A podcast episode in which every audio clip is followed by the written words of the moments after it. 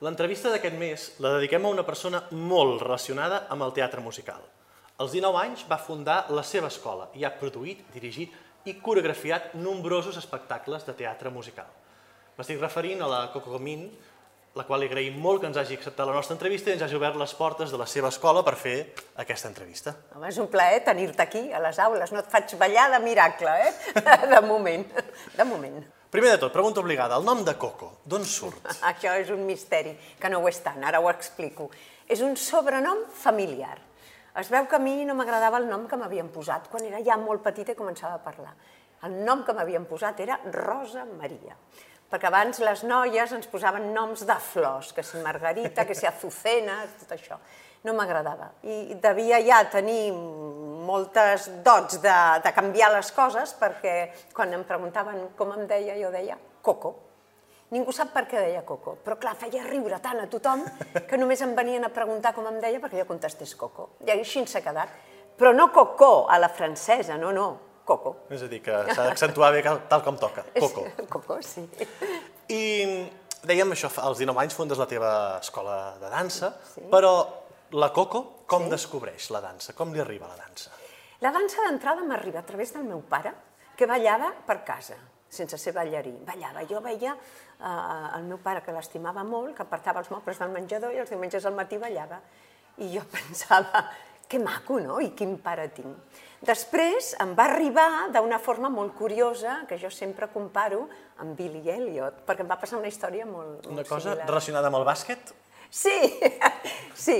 Amb el bàsquet, també amb l'atletisme, perquè en l'època que jo anava a l'escola, que anava al col·legi de les dames negres, que era un col·legi de monges, però que els estic molt agraïda, perquè les monges tenien sempre un ingredient artístic que feien desenvolupar llavors. I eh, jo era alta per l'època, feia un metro setanta. I de seguida em van fitxar per l'equip de bàsquet. Llavors ballàvem, ballàvem, perdó, jugàvem amb uns bombatxos, que eren unes coses amples perquè no se'ns marqués res a les noies, i també feia atletisme, i corria molt i saltava molt, i formava part de l'equip doncs, esportiu de l'escola. I mentre jo em barallava amb les companyes per una pilota, que no li trobava massa sentit, perquè em donaven cops per tot arreu, sentia una música meravellosa al- gimnàs de l'escola.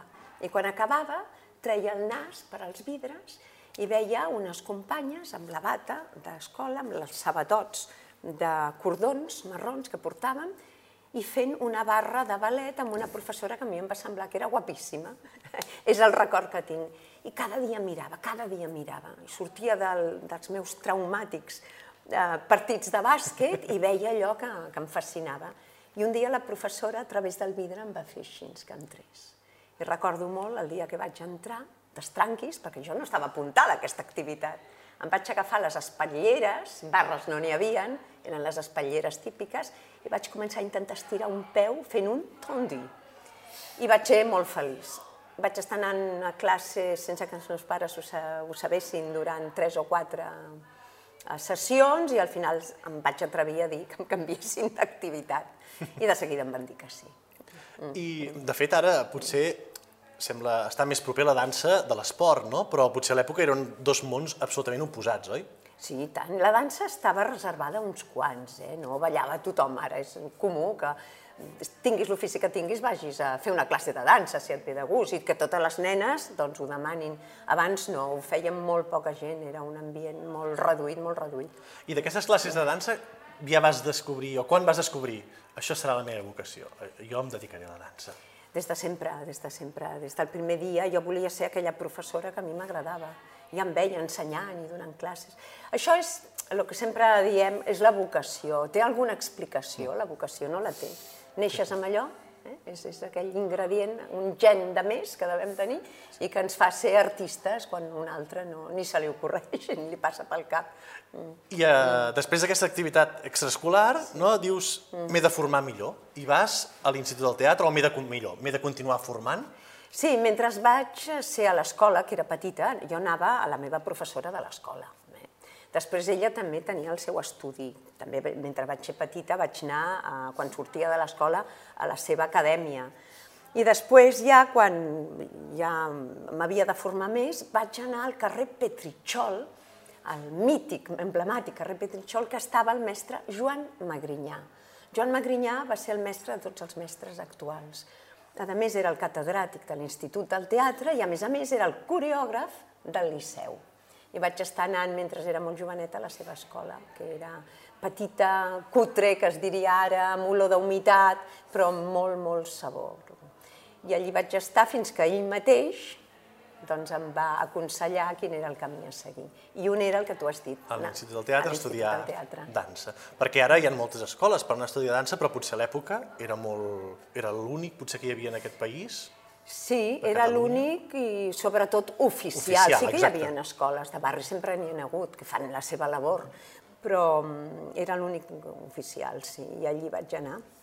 Estàvem al carrer Elisabets, era una travessia de la Rambla, amb una casa antiga, era com una masia modernista petita, també era una època daurada, també eren molt pocs, era com anar, no sé, a, a, a, veure, a casa de l'àvia a ballar, no? I com ho recordes, aquell període d'estudiar?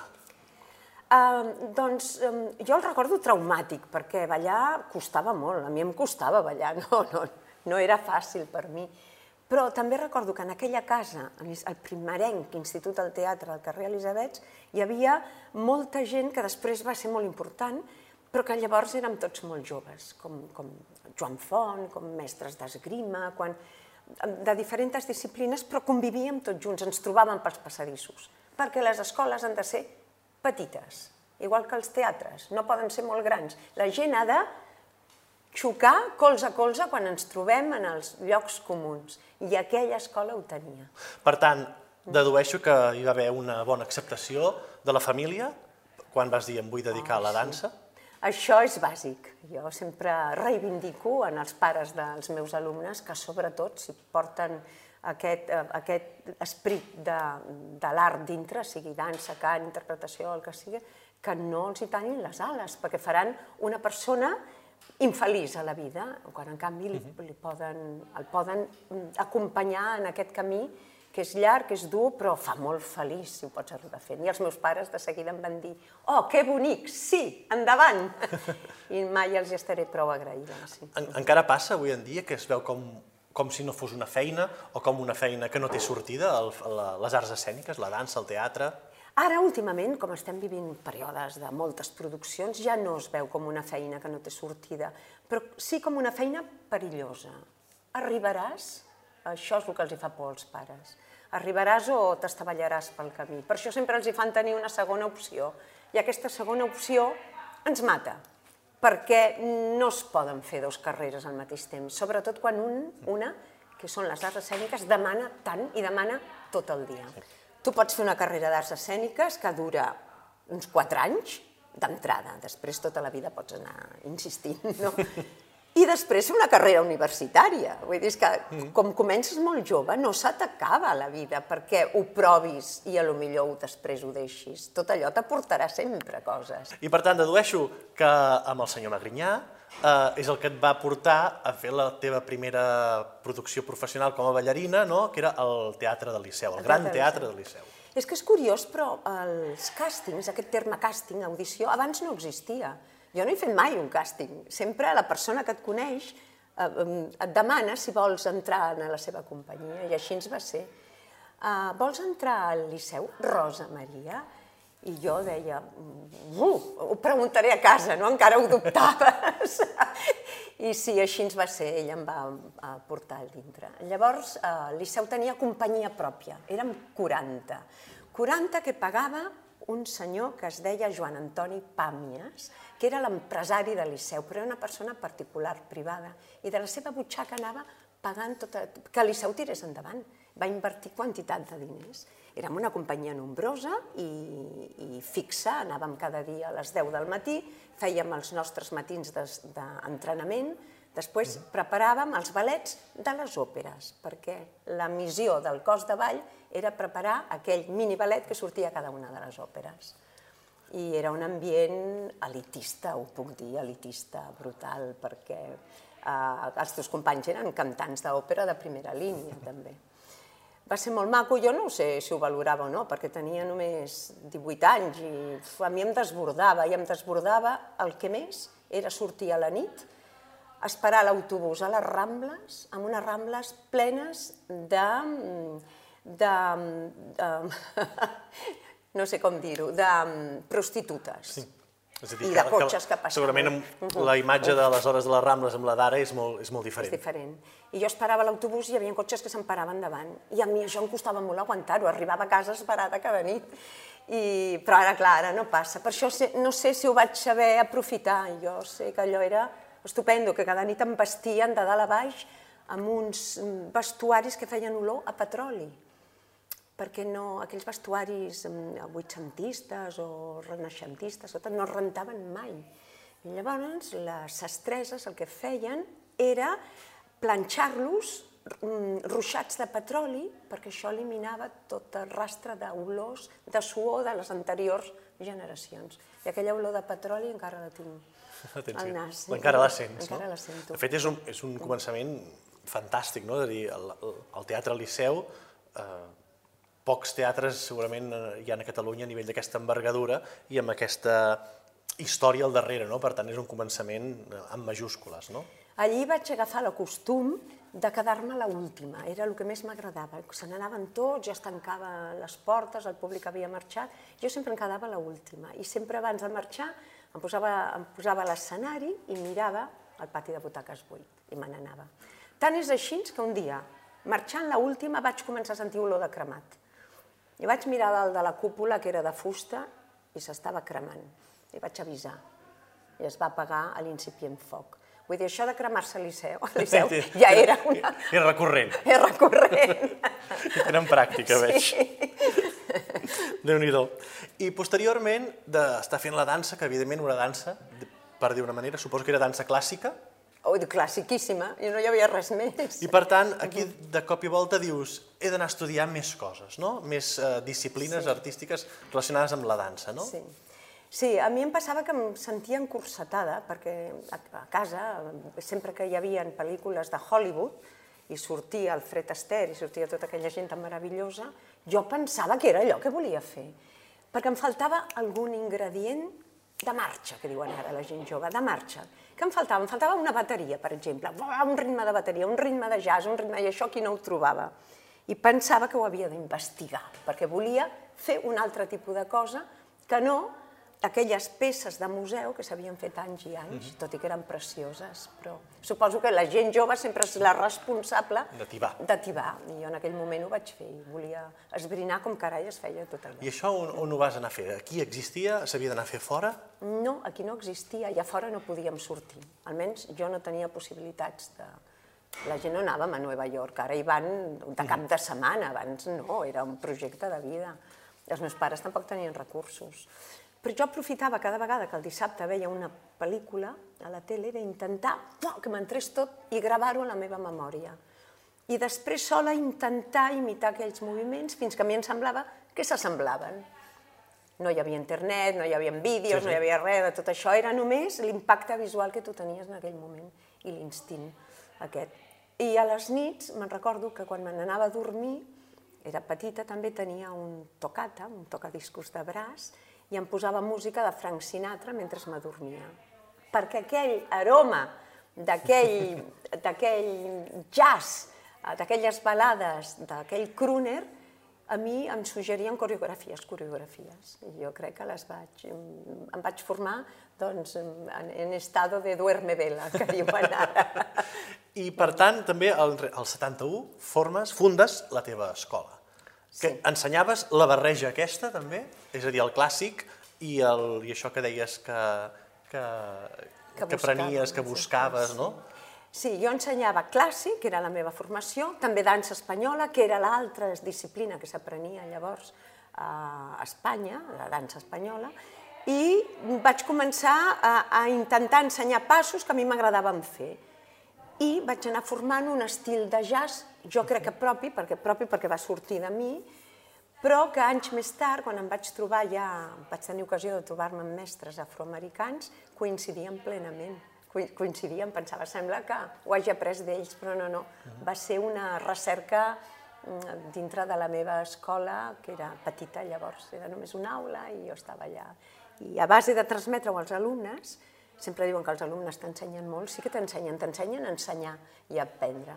Així ens vaig crear el meu propi estil de jazz, però que ara ja s'ensenya arreu de Barcelona. I, uh, I aquesta escola, que deies que tenia només una aula, va anar creixent? Sí. Vaig començar amb set alumnes, mm, jo tenia 19 anys, era menor d'edat llavors, fins als 21 no era major.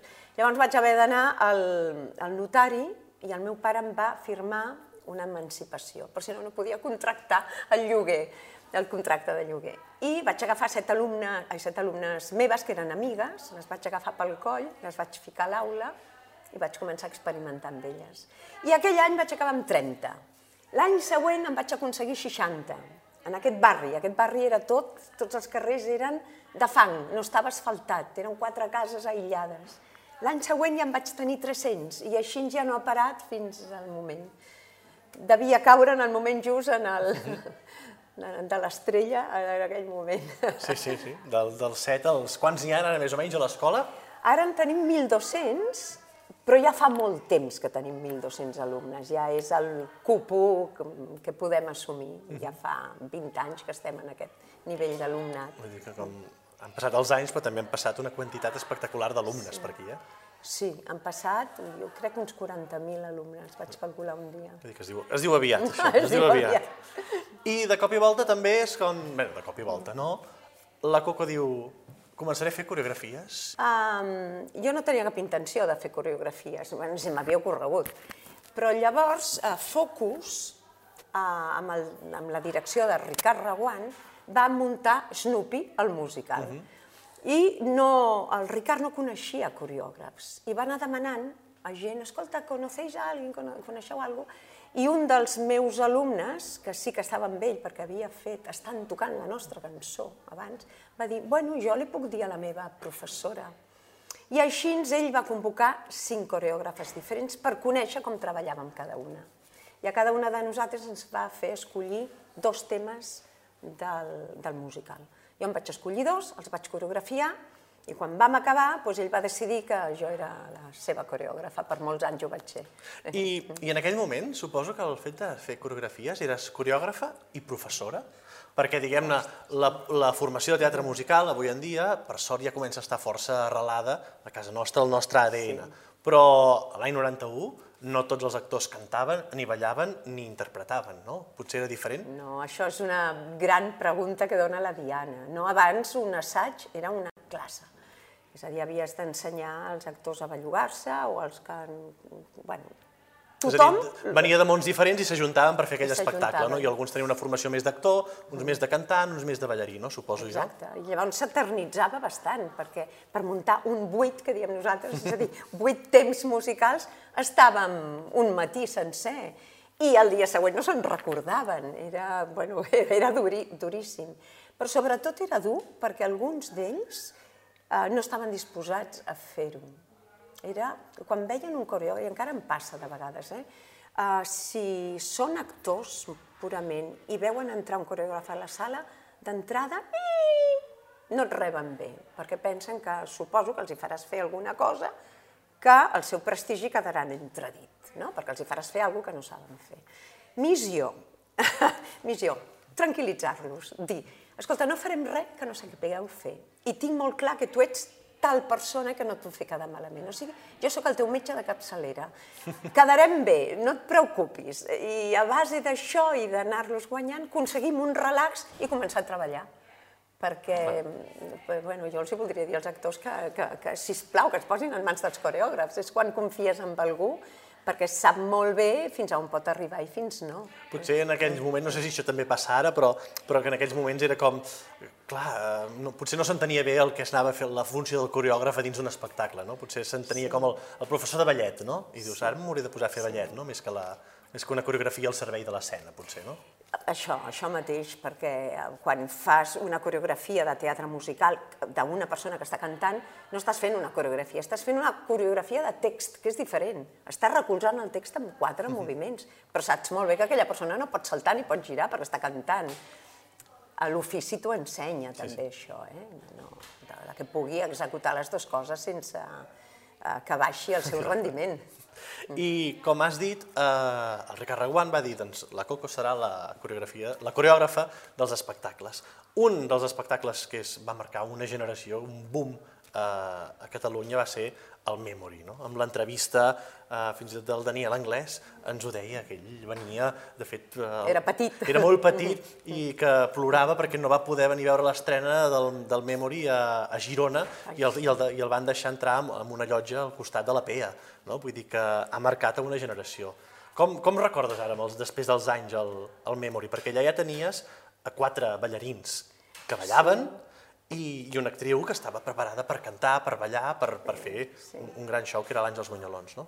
Bueno, recordo com, com una guerra comuna per engegar una cosa que aquí no existia, que era uh, un musical basat en un One Show Woman, que ja es donava mm. molt a l'Aisa i a, bueno, a l'estranger, però aquí no. I llavors teníem l'estrella, bueno, Focus tenia l'estrella, magnífica, no? una noia que ho tenia tot, ho reunia tot. Però no trobàvem ballarins, sí noies. Teníem dos noies i aquests dos nois van costar moltíssim de trobar. No? Hi havia nois ballarins amb capacitat per cantar. Vam fer un càsting, vam aconseguir trobar el Jorge Fernández Hidalgo i el Vicenç i, bueno, i vam poder muntar pues, un mini cos de ball. I mm, jo crec que l'èxit d'allò va ser l'Àngels, que ho feia molt bé, molt bé, molt bé, i que era elegant també, que era... i mm, que era una mostra de tots els musicals de, de coneguts, els, els més estàndards de tots. Amb la qual jo era molt novata en aquell moment, però sí que sabia molt bé de què parlava, perquè ho havia estat analitzant tot. Cada peça era diferent de l'anterior, cada vegada es canviava de, de vestuari. Bé, va, va, va cobrir una necessitat a mhm. Barcelona. De fet, segurament va, eh, hi havia hagut eh, discos, coses, però, mm. però per una altra generació. Per tant, per una generació, que és la generació Memory, els va obrir les portes a dir, oita, doncs, eh, mm. jo recordo no, haver sentit el, el Music of the Night i, i comprar-me el, el CD del, o el disc del fantasma de l'òpera perquè allà sortia i per tant era com una cosa d'anar tibant informació també perquè el, perquè el país, la gent del país coneixessin més coses. Oi, es va fer una labor docent, eh? en aquest sentit, mm -hmm. es mhm. va fer la, una labor. Vam estrenar primer el Goya i de cop i volta va començar a venir gent, gent, gent, gent i recordo molt bé que sortien per la porta del Goya i està, anaven per tota la ronda de Sant Antoni fent cua fins no sé on. Una cosa inverosímil, eh? Per primera vegada es veia aquí aquelles, aquelles cues que veies als documentals de... Que passava a Amèrica, no? Que això? passava a Amèrica, sí. I a més a més el Memory va haver el Memory i el nou Memory, no? Sí. Que era com, va, que això fa molt temps que ho fem, eh, canviem números, no? Canviem números. És un luxe, no?, també, per un, a nivell d'una coreògrafa, de dir, tinc un número de mm. West Side Story, un número de Bob Fosse, és a dir, que mm -hmm. pots tenir un gran ventall de, de, per explorar i per sí, fer, no? clar, no s'acabaven mai els musicals, es podien fer tres i quatre memories. El segon memory es va incloure a la peça de Joseph, Exacte. I va venir un munt de nens.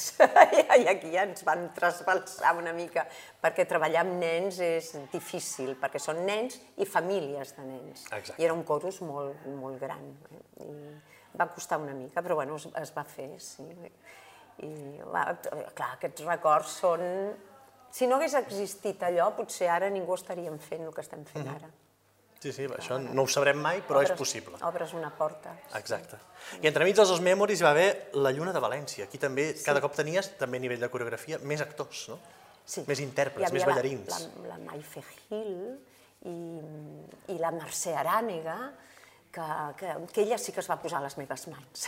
volia ballar, volia fer tot, era una tromba de, de dona i mm, hi ha més ballarins, hi ha més tot, sí. Això es va fer al Teatre Borràs, crec. Ens va costar un, a mi em va costar una mica un, una malaltia, això, perquè no acabava d'arrencar bé, no acabava de sortir bé, no, tothom estava massa preparat pel que havia de fer, patíem, es van canviar algunes actrius a últim moment, Bueno, però no totes les obres van com una escena. Eh? I una mica de, ajuntant la, la gent del Memory, aquesta gent d'aquest uh, espectacle Lluna de València, surt una, una cosa que sempre dic que era un, un fenomen rar del país, també, que és una sèrie de televisió sí. que també feies les coreografies, sí. que és, és a dir, que a vegades quan expliques alumnes o generacions més joves dius Catalunya ha tingut una sèrie pròpia de teatre musical i no s'ho creuen. Això va existir. O jo crec que era prou bona. Quan la veus ara, dius, ostres, i sobretot amb, amb la velocitat que ho fèiem.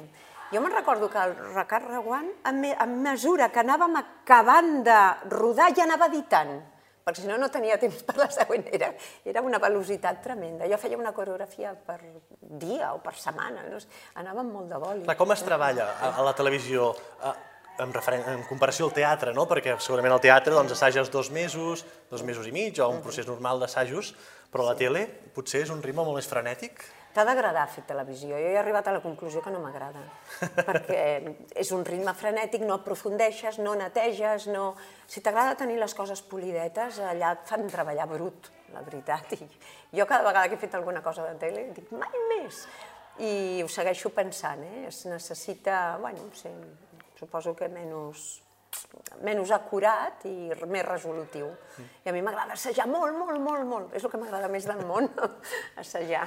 I també ha de ser diferent, no?, el fet de plantejar-se una coreografia per teatre, que tens pot ser teatre que estigui a, a quatre bandes, però normalment és a la italiana, sí. eh, en canvi per la tele pot ser que la càmera estigui a sobre, és a dir, que potser has de plantejar-te un nivell de coreografia diferent, no? perquè el focus pot canviar. Sí, això em vaig haver d'aprendre, perquè jo feia tot seguit, com al teatre, i de cop i volta dic, ostres, però és que és fantàstic pensar que estàs saltant per la borda d'un barco i que caus en una illa deserta. Com ho fas, això, en teatre? Sí, sí. Bueno, quan t'acostumes, clar, comences a, a, a disfrutar molt. I els primers planos. No saps l'important que és, de tant en tant, que la càmera s'acosti i veure la brillantor dels ulls d'un actor, uh -huh. que això no ho tens al teatre. Uh -huh. La gent no hi, no hi veu, quan tothom està amb ulleres i, i no hi veuen. Sí, sí, la, no la poden tenir tant detall com un primeríssim primer pla. Exacte. És a dir, que això sí que està bé, eh? l'apropar-se. L'èxit del pop fossi és apropar la mà amb un pito, que això fa només aquesta imatge, o amb una mà. Això és brutal, no ho tenim en el teatre.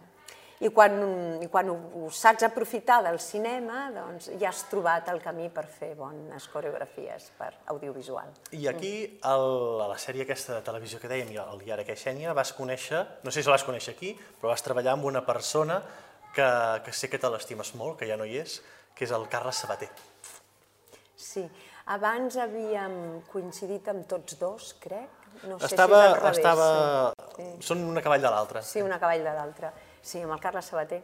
Va ser mm, una, una trobada i una amistat gairebé immediata. I me'n recordo que la primera vegada que el vaig veure va ser en el sofà d'aquí de, la, de la recepció de l'escola, un migdia, que havíem marcat el primer assaig, i me'l vaig trobar assegut amb un xandall, ell sol, sol, amb els seus rínxols i menjant, menjant un entrepà i el vaig saludar, es va aixecar i dic, no vols que anem a dinar abans a fora i després comencem l'assaig, que no tinguis que menjar un entrepà aquí?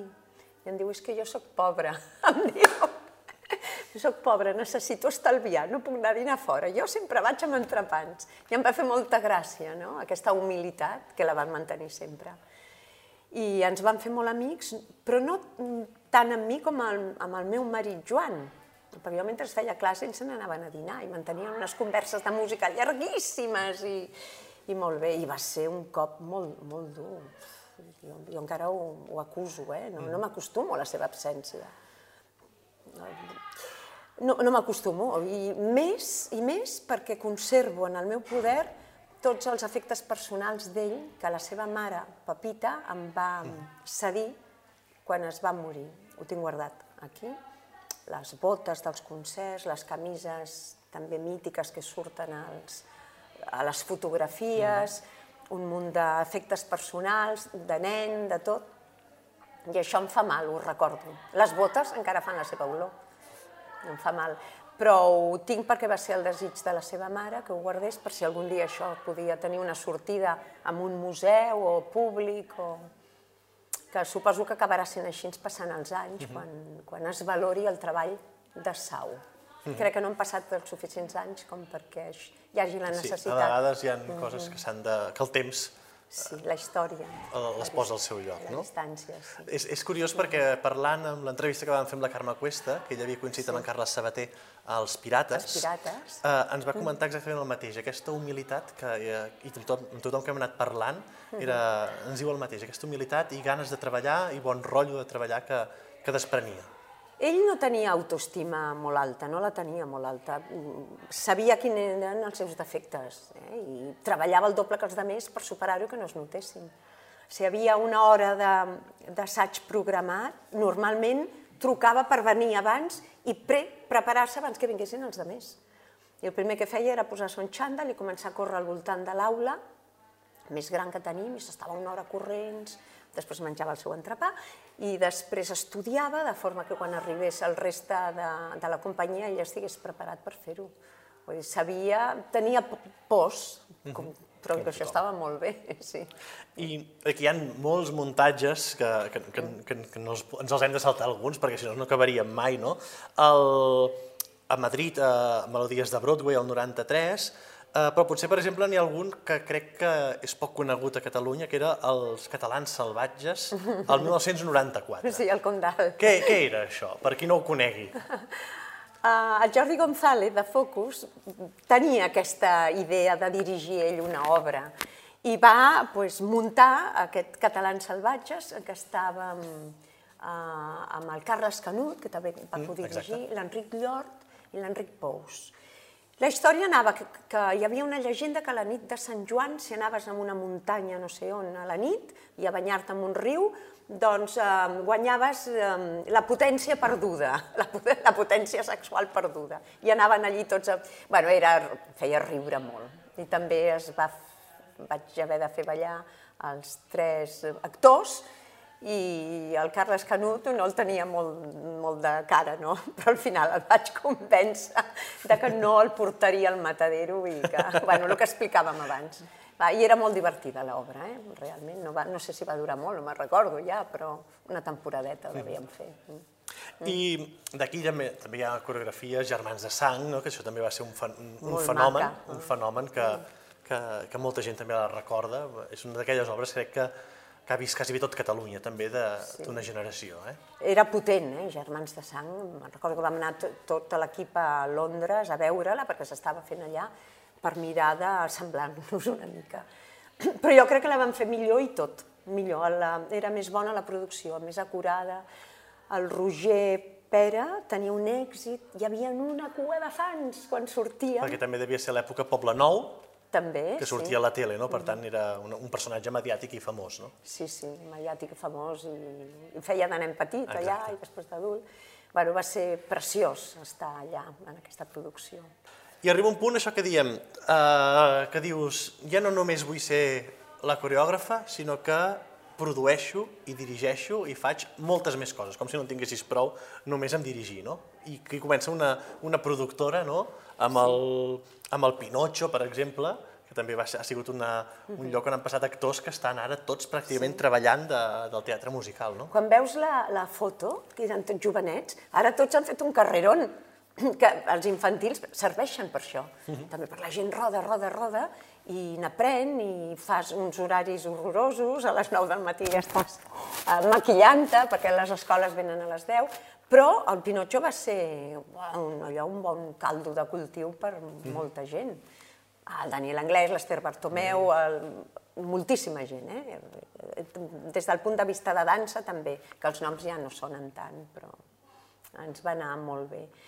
Uh, I després també vam fer abans una cosa sobre Miró, Sí. tot. I, i d'on surt aquesta part de dir, vull, vull fer-ho jo? No és tant una, una ambició, una ambició de que vull fer-ho jo, com que O necessito fer-ho? una il·lusió més que res, no? Jo coneixia Chicago, ja, ja ho coneixia tot, i que en aquell moment ni s'havia fet la pel·lícula, ni s'havia reposat a Broadway. Ningú sabia que era Chicago. I vam demanar els drets, sense tenir una productora muntada, des de l'escola, a Estats Units, en català. En, en què, deia, no sabien el que era català. I me'n recordo que ens van dir de seguida que sí, que sí, que sí, perquè estàvem en una estanteria. Tant és així que estàvem en una estanteria tan plena de pols que ens van enviar tots els score i tots els, llibres, els llibrets a cada un dels instruments plens de pols i en manuscrit del Fred Epp i el John Kander amb acotacions al marge, amb tatxadures. Són uns llibres que guardo com or, no? Clar. Perquè... Història viva, no? Sí, història viva, però enquadernats a l'antiga. I recordo que ens van costar 500.000 pessetes, uns 3.000 euros. I vam dir, uh, podem pagar això, perquè ens pensàvem que seria molt més car. I estàvem assajant i patapam, l'estrenen a, a Broadway i ja, després la pel·lícula. Ja. Uh -huh. Si haguéssim esperat una mica més no ho haguéssim pogut fer, perquè hagués sigut impagable. I ho vam fer amb la versió autèntica, perquè ara es coneix la versió que corre por ahí, però la versió que corre és un recital de cançons. No, no es desenvolupa la història dramàtica, eh, sobretot de molta crítica social uh -huh. de l'època, i nosaltres ho vam fer en versió teatral, amb les cançons que tocaven i les músiques i tenia molta molla, molta molla.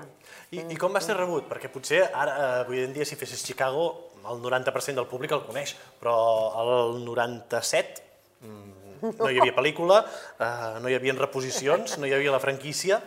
pues va ser rebut malament, perquè la gent no va venir. Sí que va venir mm, crítica a periodistes i, eh, i això ens va anar molt bé, tota la però hi havia molt poca gent al pati de butaques i nosaltres fem funció dos anys seguits allà. Que, que a més de Chicago, el, me'n recordo que jo no sabia que l'Ester Bartomeu, sí? que era una de, la, de les protagonistes, eh, ens va explicar que es va trencar el braç, el braç. i que se li van adaptar les coreografies sí. per, per continuar fent bolos, això. Primer una mica més la mato, primer.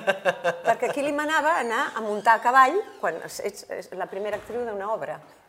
Llavors, quan va aconseguir dir-m'ho, com no teníem reposició, no, perquè no hi havia covers ni swings. També és una cosa molt moderna, això dels covers ara, i swings, no? Ara es viu molt bé, però abans no.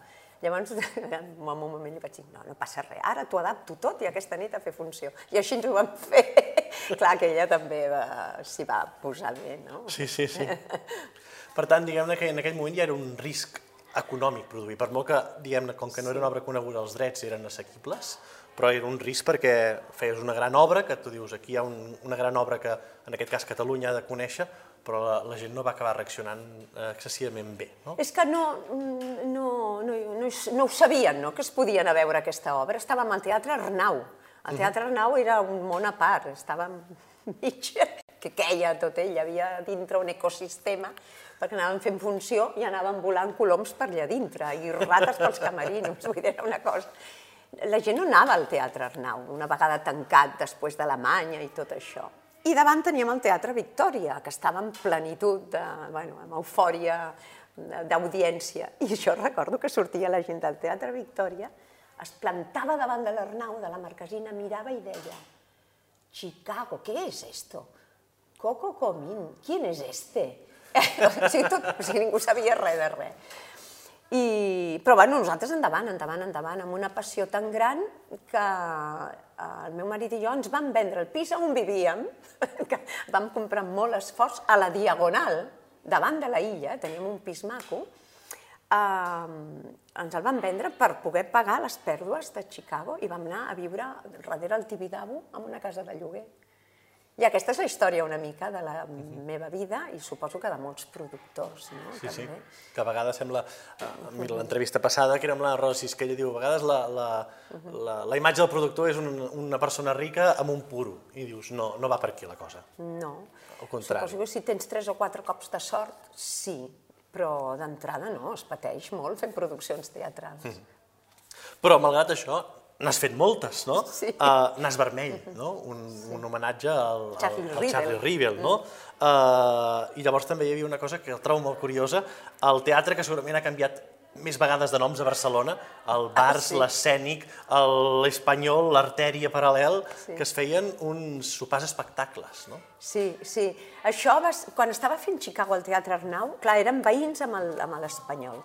Els dueños eren una família que es deien Callís, i un dia em van venir a veure i em van dir és que m'agradaria que passessis al carrer i vinguessis amb nosaltres a veure, perquè nosaltres tenim l'hotel, l'hotel Autogar, que es deia, i eh, tenim aquest teatre que ens agradaria fer-lo funcionar. I, però estem fent obres. El vens a veure per veure si pots muntar un espectacle aquí. Jo passo al carrer, entro al Teatre Espanyol i em vaig quedar enamorada perquè realment estaven fent obres.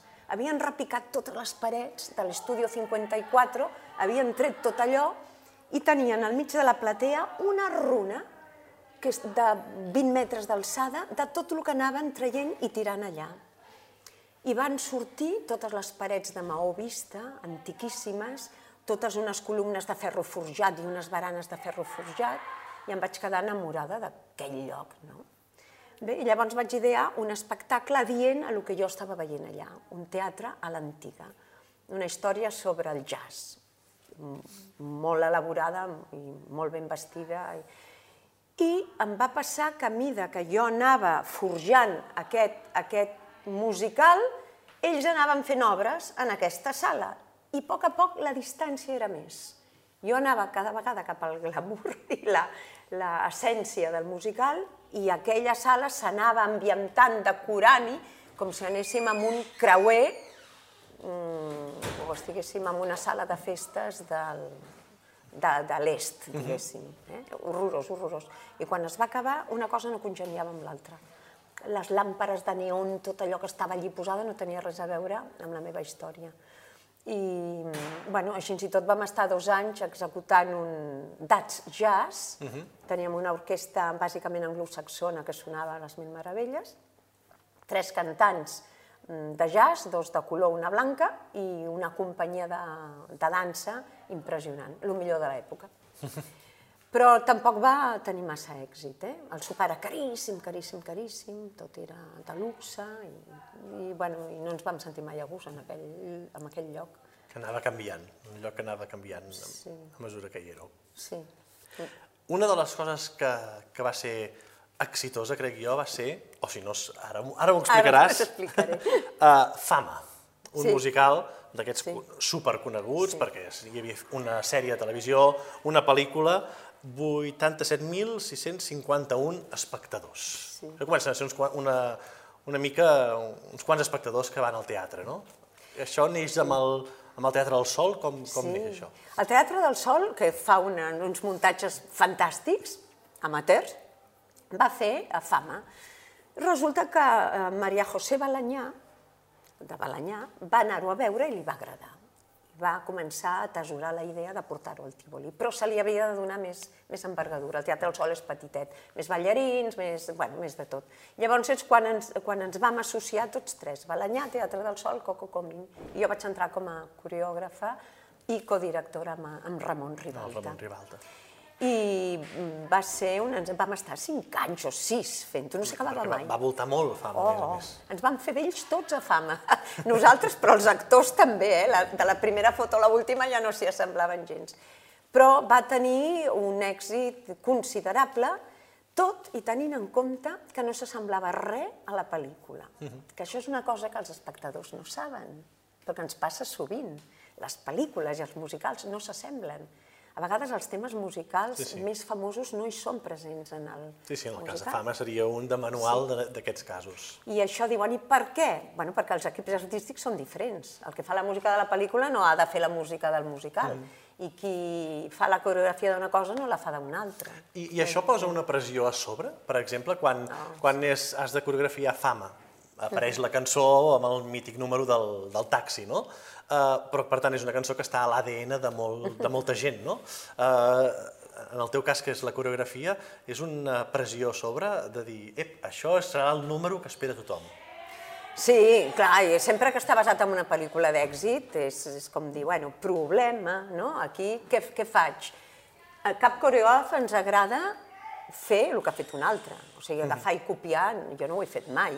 Per, ser, per això sempre he fet obres que no són franquícies, perquè les franquícies ho has de fer igual. Ah, mm. quina gràcia té, doncs, que sí, faci sí. un altre que li agradi copiar, a mi no. Llavors aquí no era franquícia, aquí podia fer el que volgués. Bé, llavors, en base a el que tens, vam, vam tenir un taxi de veritat, un yellow d'aquests sí, sí. de, que vam comprar en una granja d'un desert d'Arizona, d'Arizona, que el tenien enterrat sobre la, sota la, la sorra del desert i el van portar, el van pintar i van fer tot. bueno, doncs ho muntes en funció de, de la gent que tens en aquell moment, de la companyia i, i tot sí. això. Un, un altre d'aquests sí. eh, èxits de, de, de públic també va ser Gris, no? Sí. Segurament, perquè i, i, i compleix una mica eh, el mateix que Fama, no? És un espectacle que quasi no necessita porta de presentació. Clar, aquí et gaudeixes de tot allà el màrqueting que es porta fent des de fa anys i anys i anys. Només has de dir Gris, no has, no has d'explicar res més. I, però el que passa que Gris, el guió és molt feble, molt feble. Tampoc era una franquícia, amb la qual ens vam poder permetre jo vaig fer el que vaig voler amb la coreografia, però sí que has de fer eh, coses amb aire retro. No pots agafar gris i fer hip-hop. Mm. No, no pot ser. Llavors, eh, has de tenir una consciència cultural bastant gran de quins eren els moments de els moviments de l'època, què es feia, què no es feia. Però el que passa que Fama, eh, tant Fama com Gris, eren balls que havien de tenir un aroma cada un de la seva època. Fins i tot el, el vestuari de Fama no és vestir-se com es vesteixen ara els ballarins. Eh? Era, em va costar molt, anaven cada un dels actors, per exemple, amb el Xavi Duc, me'n recordo que el vaig portar al cort inglès i ell, pobre, que era molt jovenet, m'anava dient però no cal, no cal gastar tant coco per, per, per vestir-me, anem a un mercadillo. Jo li deia, no, però necessito una factura, que si no la producció no m'ho paga això. I la factura era el Corte Inglés, no? I, I eh, per trobar una cosa amb aire retro, un jersellet de ratlles, uns pantalons que tinguessin... Ens va costar, vaig patejar tota Espanya per trobar roba per, per fama per, de, per desmitificar una mica la imatge aquella que deien del productor, eh? que el productor és una persona sí. que està al peu del canó, el productor executiu està allà amb tot el que faci falta de la producció. El productor executiu és una persona que se li hauria de fer un monument, perquè quan diuen oh, ara a Madrid, oh, que bé, que, quant, quants musicals, que bé, quants productors, no quants musicals, quants productors que tenen la valentia de fer musicals, perquè una setmana que no ingressis. El cas d'ingressar ja retrocedeix, perds una quantitat de diners. Sí, sí. I arribem també a l'últim gran espectacle, que és el Mustache. Sí. Uh, llibret, no? Tot signat per la Coco. Sí. Però jo ho he fet tota la vida, els llibrets, eh? no, no ha sigut mustaix tota la vida, he agafat els guions i me'ls he fet jo, sobretot els infantils. I aquí també ho volia fer perquè Mm, tot això va venir de la comunitat claquetista, que jo tinc aquí a l'escola treballant, que hi ha ballarins boníssims, boníssims, i quan acabaven a quart deien ja no volem seguir fent postgraus de claquer perquè el claquer no té sortida. Caramba, això em va tocar l'ànima, perquè el claquer m'agrada molt. I penso que és l'essència del musical. Es va començar fent claquer a Hollywood i no es podia perdre amb ares al, al pop per dir-ho d'alguna manera, per coreografies mm -hmm. pop, coreografies de televisió, coreografies de hip-hop. No, no, no, no. El claquer és un dels pilars del musical. Vaig dir, bueno, doncs muntem nosaltres un musical de claquer. No n'hi havia cap en el mercat que s'ajustés a les nostres característiques. I així doncs, vaig anar estructurant un musical de creació que em permetés anar posant coreografies de claquer cada vegada que, es, que els ballarins sortissin a l'escenari. Que a més el, em dóna la sensació, corregeix-me si m'equivoco, que el, el ballarí claquer està com entremig dels ballarins i dels músics, no? Perquè, sí. perquè depèn de com, eh, allò és percussió, eh, podia estar sí. a fer un bateria, no?, per exemple. Exacte, sí, sí, no, has donat en el clau. Sempre diuen que són més músics que ballarins. Però no, el claquer no només és picar bé i picar de peus. Per tant, de genoll avall són músics, però d'aquí cap a dalt han de saber bellugar el cos, també, eh? no ser només percutes i prou, percussionistes. Per sí. tant, s'ha d'intentar que tots ballin de tot, també, que és una cosa que en aquesta casa ens hi empenyem bastant. I a part de, del teatre, has estat fent actes, eh, molts actes per, mm. per Catalunya, eh, i també televisió. Per exemple, una classe magistral eh, al, al programa Fama de televisió, el, el 2000, 8, em sembla que era. Sí. Um, això vol dir que ja es, es reconeix un segell Coco quan et conviden a dir volem que imparteixis aquesta... que, que tu tens alguna cosa que no té una altra? Suposo que sí, que, que la meva especialitat és coreografia uh, de Broadway Jazz, que jo hi he anomenat així, que és coreografia per teatre musical. I això és el que busquen, perquè és el que costa de trobar. Però les noves generacions no han viscut els inicis del teatre musical. Aquest aroma especial, que és una forma de bellugar, uh -huh. eh, és el que em venen a buscar per transmetre. Un lèxic que no existeix, el que és un, un pas de blues, el que és un pas de jazz, un pas de boogie, tota una sèrie de nomenclatura que jo he anat creant i que és el que busquen, perquè si no s'extingirà amb mi. Eh?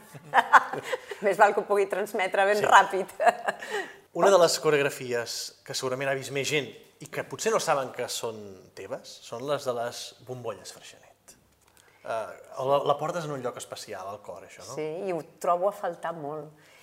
I no només jo, jo crec que ho trobo a faltar molt tot, tota la població, perquè era la pregunta, qui vindrà aquest any d'estrella? totes les noies que, que es consideraven bufones i amb, amb l'estètica de bombolles, de burbujas, totes venien al càsting, eh? els encantava, era un càsting massiu, que, que maco. Això eh, ho feia el publicista Leopoldo Pomés, amb la seva dona, exdona, Karen Leif, que era la directora artística i cervell del, del spot. I era una efemèr efemèrides, no sé si es diu efemèrides, però era una efemèrides. Sí, sí, un esdeveniment, allò que es feia, que es o una efemèride exacta, que, que era per, per Nadal, esperes això, no?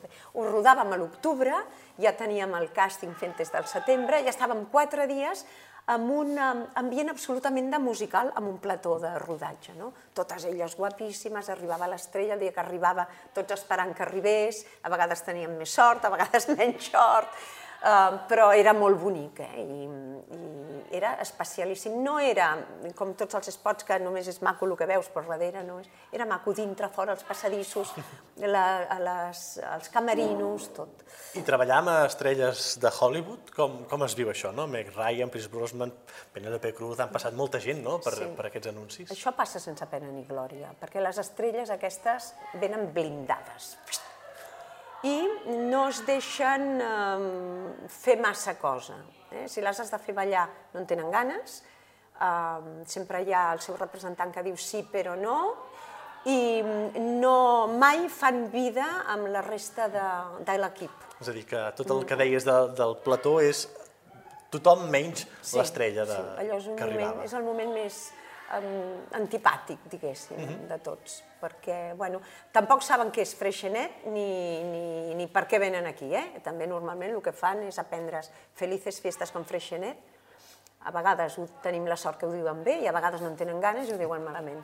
Però venen per calés, o venien per calés, eh? no pas perquè estimessin uh, ni la casa, ni, la, ni el cava, ni, ni, ni res. Ni res de nos. Nosaltres una mica com quan fitxes un jugador Eh, pel Barça i se'n va i tothom es queda com ell, oh, que no sent els colors, doncs no els sent, no és d'aquí, no? ve per diners, doncs és igual, una mica. Mm. De la tele també vas estar el 2008-2009 a Operació Triunfo. Sí.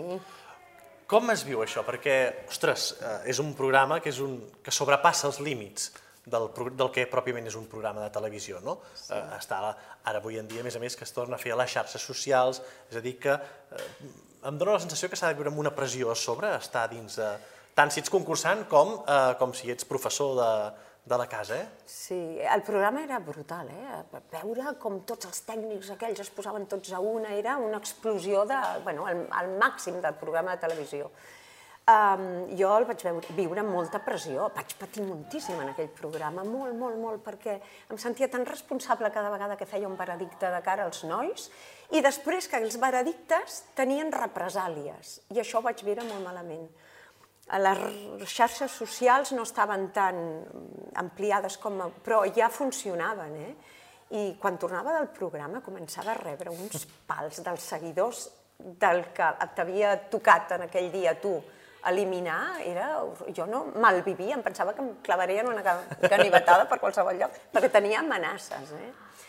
I molta pressió, mm, es feia molt ràpid el programa, moltes instruccions no, no, no ens donaven, o sigui, quan la gent es pensava que estava guionat, no ho estava de guionat, el que passava, passava de veritat. De veritat. Quan ens barallàvem, ens barallàvem de... Bueno, jo no em barallava, però quan es barallaven, es barallaven de veritat. I jo a vegades sentia vergonya, una miqueta d'estar allà. Sí. De la televisió també et van poder veure uh, buscant la trinca.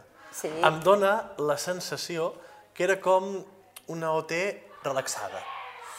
Ai, era meravellós, perquè els concursants eren meravellosos. No em diguis.